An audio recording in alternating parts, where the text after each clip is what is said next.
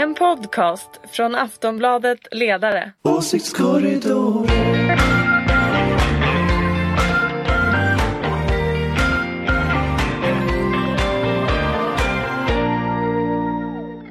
Hej och välkomna till Åsiktskorridoren, en podd från Aftonbladets ledarredaktion och din vän på det politiska slagfältet.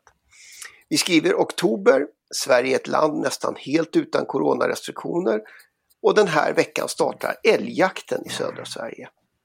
Samtidigt rullar politiken förstås på. Oppositionen presenterar vad de vill göra med statens pengar och Socialdemokraterna har nu officiellt nominerat Magdalena Andersson till posten som partiordförande. Allt det där ska vi prata mer om. Precis som vanligt har jag nämligen med mig landets kanske vassaste panel. Som alltid Ulrika Schenström, chef för den gröna och liberala tankesmedjan Fores. Ulrika är oberoende moderat. Välkommen! Tack så mycket! Från Aftonbladets oberoende socialdemokratiska ledarredaktion, Sina Aldevani. Välkommen! Tack!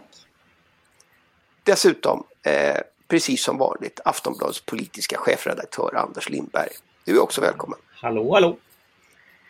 Själv heter jag Ingvar Persson och arbetar till vardags på Aftonbladets ledarredaktion. Idag är det dock min roll att med fast men rättvis hand försöka leda det här samtalet.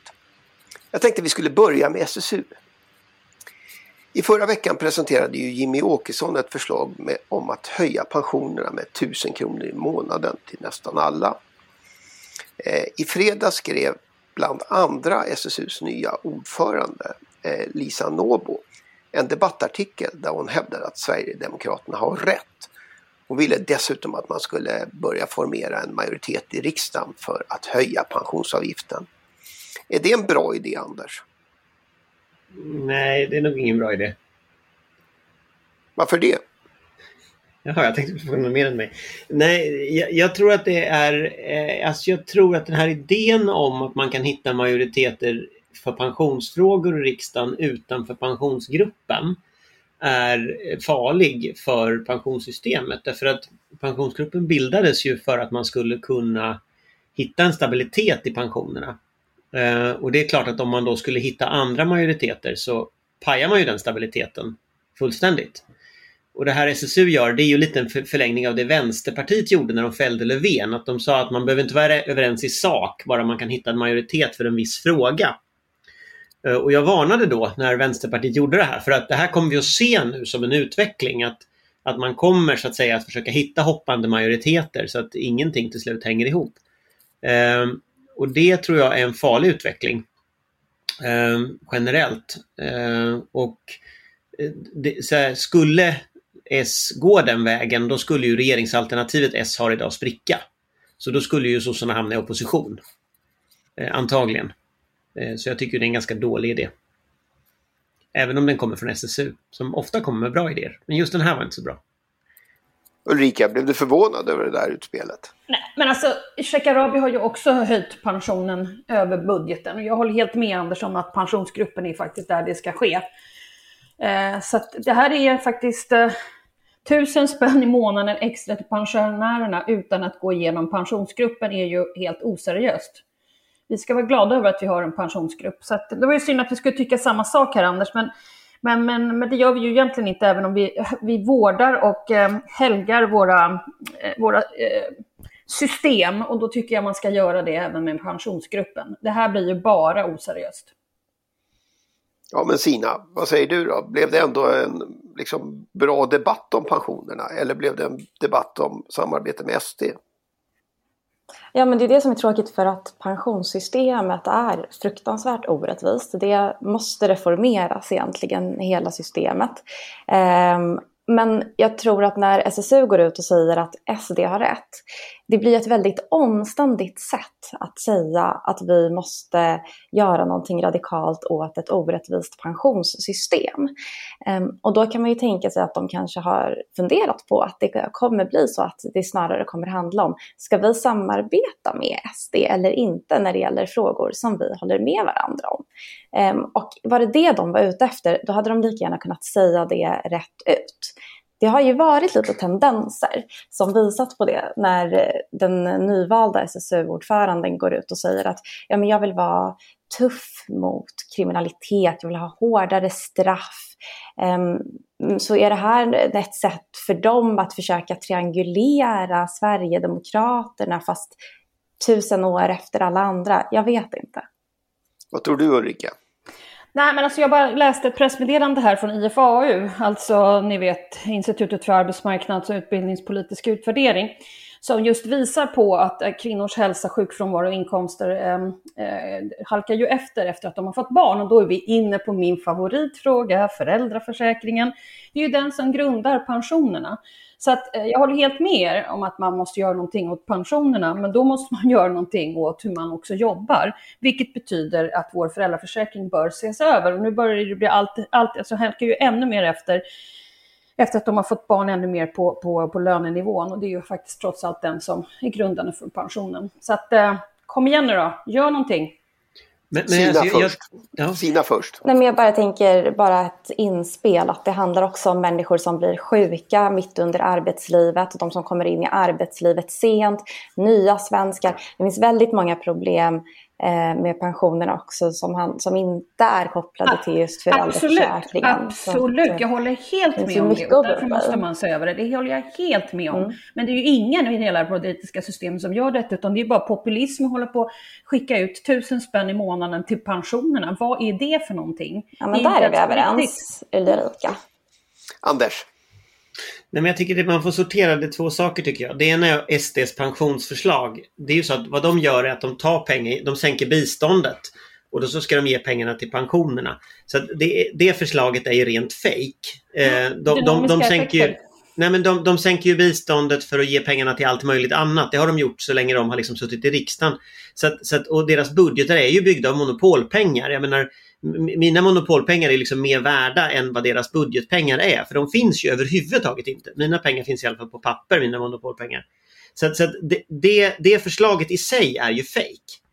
Den andra frågan är ju liksom, bör man göra som Vänsterpartiet gjorde? Att man ställer förslag när man inte är överens och så öppnar man för alla som vill rösta på de förslagen.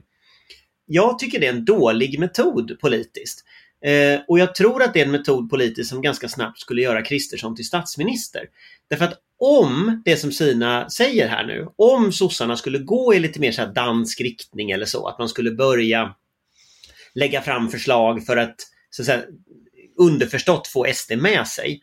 Det som skulle hända då det är att Centerpartiet och Miljöpartiet skulle omgående hoppa av regeringssamarbetet. Därför att deras orsak till att vara med i väldigt hög utsträckning handlar just om synen på SD, synen på eh, det parlamentariska läget vi har. Och i det läget så skulle Socialdemokraterna direkt hamna i opposition. Så att, så att den strategin, att liksom eh, på något sätt öppna för att ta SDs stöd för sakfrågor i riksdagen, den strategin har liksom ingen parlamentarisk del. Det finns ingenting i den strategin som säger ja men så här formar vi en majoritet så att inte en majoritet av riksdagens ledamöter röstar mot en socialdemokratisk statsminister. Och det innebär att så länge du inte har en parlamentarisk strategi i den politiska strategin så har du faktiskt ingenting. Och en av orsakerna till att jag tror att sossarna, att Ardalan Shekarabi gick ut direkt och sa nej till det här förslaget som kom. Eh, för det gjorde han ju på Twitter, han gick ut och sa direkt nej. Eh, det hindrar inte borgerliga kommentatorer att säga att det här är en testballong, även om man säger nej, vilket är lite roligt. Men jag tror att orsaken till att Ardalan Shekarabi säger nej så snabbt och regeringen säger nej, det är att de kan räkna till 175. Och kan du inte räkna till 175, då sitter du ganska snabbt i opposition. Det är liksom den parlamentariska erfarenheten. Och just nu behöver Socialdemokraterna, Miljöpartiet och Centerpartiet med sig. Och det gör att den här danska vägen, den är en återvändsgränd. Den leder ingenstans, mer än in i opposition. Stopp och belägg med andra ord. Jag tror ju att en strategi måste bygga på att man bygger en koalition kring så mycket av sin politik som möjligt. Eh, och den koalitionen ser ju inte jag på något sätt kan innehålla SD. Och då innebär det att du får bygga en koalition i det andra laget. Och det andra laget gör det, skulle jag säga, att det här inte är en framkomlig väg. Och jag tror att man ska inte glömma en annan sak och det är att Socialdemokraterna prövade faktiskt den här idén 2018 med tiggeriförbud och en massa olika sådana förslag som fanns i den valstrategi Socialdemokraterna hade. Den strategin föll platt fall och den genomfördes heller aldrig. Och det, orsaken till det, det är just detta. De har ingen parlamentarisk idé om man, hur den ska leda till att man faktiskt får igenom politiken. Det blir liksom plakatpolitik av tiggeriförbud och sånt. För det finns ingen majoritet som gör att du får igenom det genom riksdagen. Eh, och, och, det prövades 2018. Jag ser inte vad som har ändrats till 2022. Som skulle, ja, Vänsterpartiet är ännu starkare, har ändrats. Men, men liksom i annars så, nej, samma läge liksom. Ja, då så. Men då har vi liksom avfärdat SSUs uppslag från förra veckan. Eh, det kommer ju fler uppslag. Just nu håller ju oppositionen som bäst på att berätta vad de ska göra eh, med statens pengar om de får bestämma. Det är ju lite som en popcornmaskin. Kristdemokraterna vill öka flyttbidrag, Moderaterna vill sänka bensinskatten och Sverigedemokraterna vill sänka biståndet så mycket de bara orkar. Eh, nu berättar Vänsterpartiet att de vill beskatta aktieutdelningar och förmögenheter. Ungefär vad man kunde vänta sig med andra ord. Eh, Ulrika, du brukar ju fråga efter en varudeklaration från regeringsalternativet. Är det den vi får nu? Eh, nej, den är ju inte förhandlad så att det här är ju bara rakt ut säga vad man själv vill, men det finns ju inget alternativ. Alltså de måste ju i så fall måste de ju förhandla sina respektive budgetar och då behöver man göra sig av med någonting som man inte får och så får man lov att gå med på saker och det är den varudeklarationen jag vill se. Mm. Oskar Sjöstedt sa ju att det blir förmodligen inget samlat oppositionsalternativ. Är det din bedömning också Anders? Jag tycker det ser, ut så. Eh, men sen, det är ju två olika delar. Nu berättar de om sina budgetar. Den frågan som alla vill ha svar på från Oskar Sjöstedt det är ju kommer, hur kommer SD att rösta i den sista voteringen eh, i, i riksdagen, i kammaren om de då stöder Kristdemokraterna Moderaternas förslag eller om de vad de nu stöder för någonting, det får man väl se liksom i slutändan. Eh, så betyder ju det att Magdalena Andersson inte nödvändigtvis får igenom sin budget. Och skulle M, KD, L, SD rösta på samma förslag, då är det 174 mandat. Så det är klart att, att det spelar ganska stor roll hur man röstar, inte bara vad man lägger fram för förslag. Eh, men där har ju Jimmy Åkesson tidigare sagt att det, han tror inte att de ska rösta på ett, någonting som eh, inte de har förhandlat. med. alltså, det vet man ju inte förrän de sitter där och trycker. Liksom. Nej, men det var ju det beskedet som Oskar Sjöstedt eh, kom med idag också. Alltså samma ja. signal. Ja, fast samtidigt, jag, jag tänker så här, hur mycket förhandlingsutspel är det och hur mycket verkligt, alltså... Ja, ja, jag tror det när jag ser det. Mm. Eh, för det är klart att SD är ett högerparti. Ska de då inte släppa, rösta fram en högerbudget? Det ska mycket till. Det här med a-kassan och pensioner och sånt, det är ju mest liksom, det är ju saker de ska förhandla bort för att få sin invandringspolitik efter valet antagligen. Och det talar ju för att de då skulle göra så, eller agera så, att de lägger ner rösterna i slutvoteringen. Men eh, ja, jag tror det när jag ser det känner jag. Vad tänker du Sina? Tror du att Magdalena Andersson får igenom sin budget? Uh, nej, jag vet inte. Jag har ingenting spännande att tillägga just när det gäller budgeten. Uh, jag tycker däremot att det är intressant uh, Eh, att folk eh, ska hålla på och göra analyser utifrån de här eh, fantasibudgeterna som läggs på något sätt, eller förslagen som läggs nu utan stöd. Där man försöker analysera vad det är för typ av politik och vad det är partierna vill. För det är ju just det att det handlar om vad som kommer gå igenom i riksdagen till slut. Och då handlar det om vad är det man kommer ge upp, vad är det man kommer kompromissa bort. Och det är då det blir intressant, för det är det som blir den politiken som kommer påverka folk. Jag, jag tänker att om Ulrika skulle få som hon ville och den här eh, man kan säga, blåbruna alliansen, eller det är en diskussion om man ska kalla dem blåbrunt eller inte, har jag noterat. Men om man tar den blåbruna alliansen, alltså om de ska då diskutera ihop sig eh, om någon form av prioritering, då är det klart, då vet vi ju vad det här valet handlar om. Eh, men när man lyssnar på dem just nu så låter det som att de, de tänker avsiktligt låta väljarna sväva i okunskap. Eh, det verkar vara deras valstrategi. Mm. Funkar det? Ja. Mm. Det, det, tror du också Ulrika? Ja, absolut. Men alltså jag, jag ska bara... Alltså det kom, vi har ju suttit och pratat om det här i flera poddar nu. Det kommer ju alltså vara så att Magdas um, budget kommer att gå igenom. För det är ingen som har något intresse av att det går åt helskotta nu. Eh, och det de håller på med det är ju att påbörja sin valrörelse. Så att, eh, den kommer gå igenom. Eh, det kommer vara en massa tjafs i media, men den kommer gå igenom. Och sen tror jag faktiskt inte att väljarna mår bra av att inte veta vad de får i olika alternativ. Jag minns när vi fick en majoritetsregering senast, då hade vi en riktigt förhandlad och finansierad budget i fyra partier och då fick vi en, en eh, majoritetsregering på plats 2006. Så att, eh, ett litet tips här från coachen är att eh, det är alltid bra att ha ett gemensamt alternativ att gå till val på. Och vem, vem var det som Fast jag ordnade undrar det? om det är så att deras analys... Men Ulrika, jag undrar om inte deras analys är... För jag tänker att den po- politik du hade då, eller ni hade då, den lyckades ni sälja så att den blev ganska populär. Den fick mer än 50 procent, alltså mer än 175 mandat. Mm, absolut. Fr- frågan är om inte det är så att Moderaterna väldigt krasst nu räknar med att om de förhandlar med SD, den politik de kommer fram till kommer inte att samla en majoritet. Nej. Därför, därför att kompromissar de med SD... klagar, Anders. Det är därför jag klagar. Därför att man borde ha gjort det här för fyra år sedan ifall det var det man ville göra. Så att det hinner de inte. De hinner inte finansiera eller, eller, eller förhandla igenom en, en riktig Ja, men även om de hade nu. hunnit. Det är för sent. Ja. Även om de hade hunnit så är ju risken ganska stor att den politiken som de skulle komma fram till tillsammans Det med kan SD man faktiskt inte veta någonting om. Men det man kan veta någonting om det är att de inte har förhandlat och de skulle aldrig hinna göra det nu innan valet. Så att, ja. Men om, om man tänker orsaken till dem och så tänker jag att de är rationella. Så om de inte presenterar en gemensam politik med SD så är det väl för att de räknar ut att den gemensamma politiken de skulle i så fall presentera är så impopulär att de förlorar valet.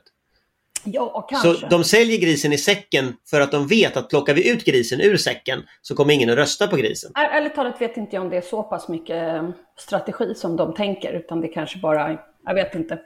Däremot så är ju hela planen är ju helt ändrad för dem nu när Magdalena kör, kör liksom eh, mot Moderaterna från höger. Det är otroligt, eh, nästan underhållande får man ju säga, hur hela strategin och vändes upp och ner faktiskt i förra veckan. Så att, Det- eh, intressant.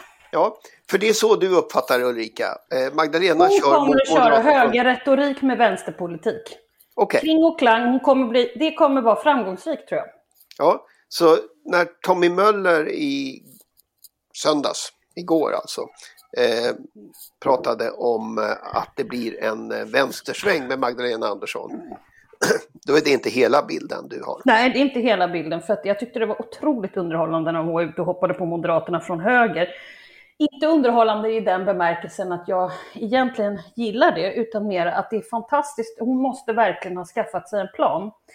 Eh, och jag tycker att man ska ge dem som verkar ha, ha tänkt och gjort en strategi som är framgångsrik. Oavsett om man tycker att det är bra eller inte ska man alltid lyfta på hatten för sånt. Så att det tyckte jag var... Den där hade nog ingen tänkt på. En hommage till hantverksskickligheten. Ja, alltså sånt måste man ändå göra för att annars så... Men vad menar du är höger? Jag tycker hon är mycket vänsterradikal skulle jag säga. Ah, jag tyckte hon gjorde det liksom... Va, vad högre. exakt menar du är höger? Nej, men hon gick på att vi borde ha ifrågasatt Moderaternas migrationspolitik. Den alldeles för svaga och inte tillräckligt hårda. Det är ju otroligt underhållande. Det är en helt ny grej. Snyggt. Men inte för att jag tyckte att det var bra så, men jag tyckte att det var snyggt. Det är något helt nytt och det ändrade hela kartan. Jag tror även det här med SSU och SD ändrade kartan. Och kom ihåg, det var förra veckan det hände. Men det händer en förra vecka varje vecka tycker jag numera. Ja, men Alltså, det det, snabbt. det är väldigt många sådana saker som händer. Mm. Så. Kan Sina, inte ni berätta för mig, vem blir Ja. det som blir partisekreterare till Magdalena? Blir det Hultqvist? Jag är så nyfiken. Om det blir Hultqvist ska jag bjuda dig på middag, höll jag på att säga. Lunch i alla fall. Eh, nej, det blir det nog inte.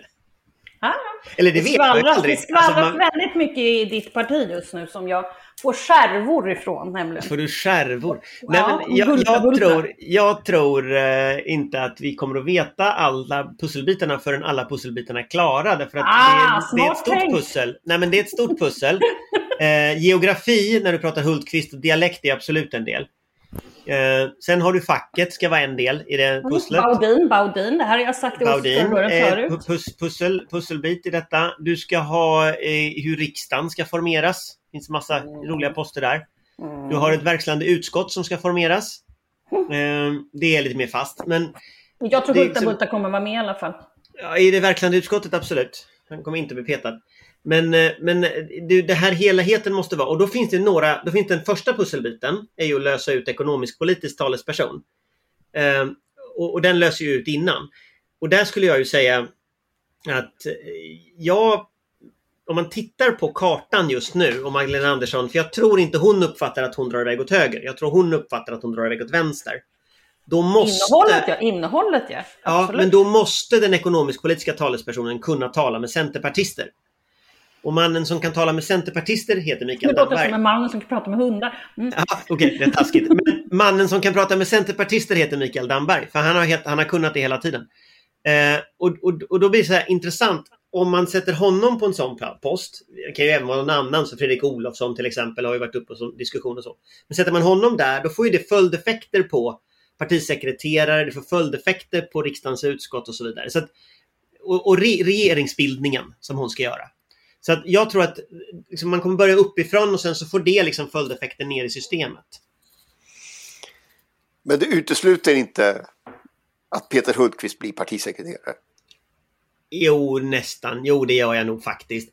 Alltså, jag tror han kommer att bli en mycket bra försvarsminister i Sverige. Även Ja. framöver.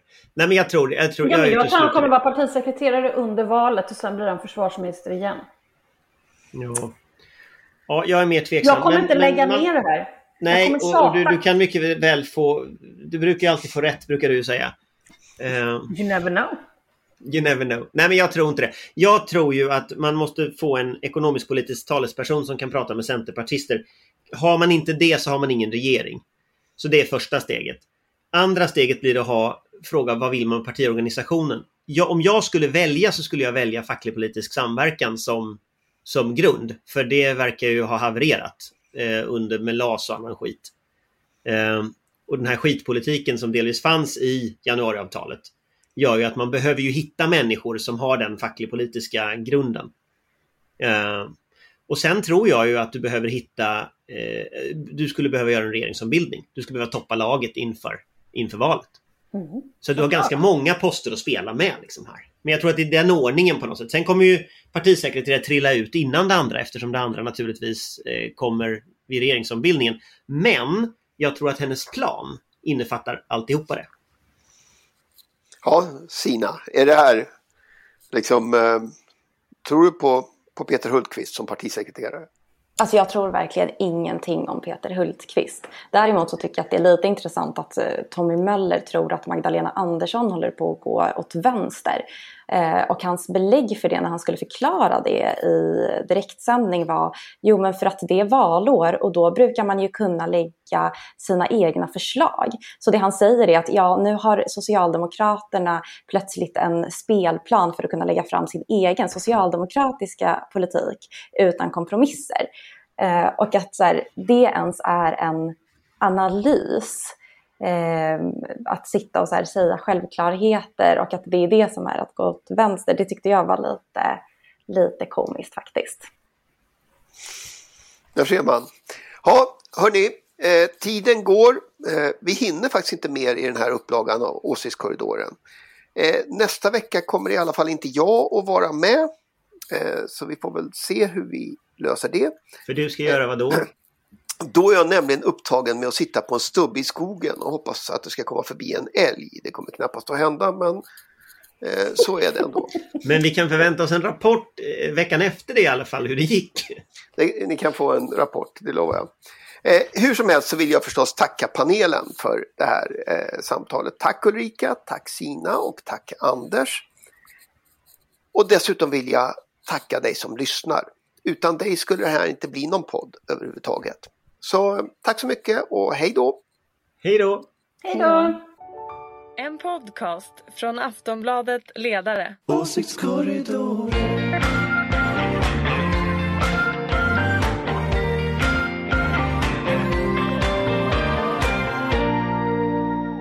Du har lyssnat på en podcast från Aftonbladet. Ansvarig utgivare är Lena K Samuelsson.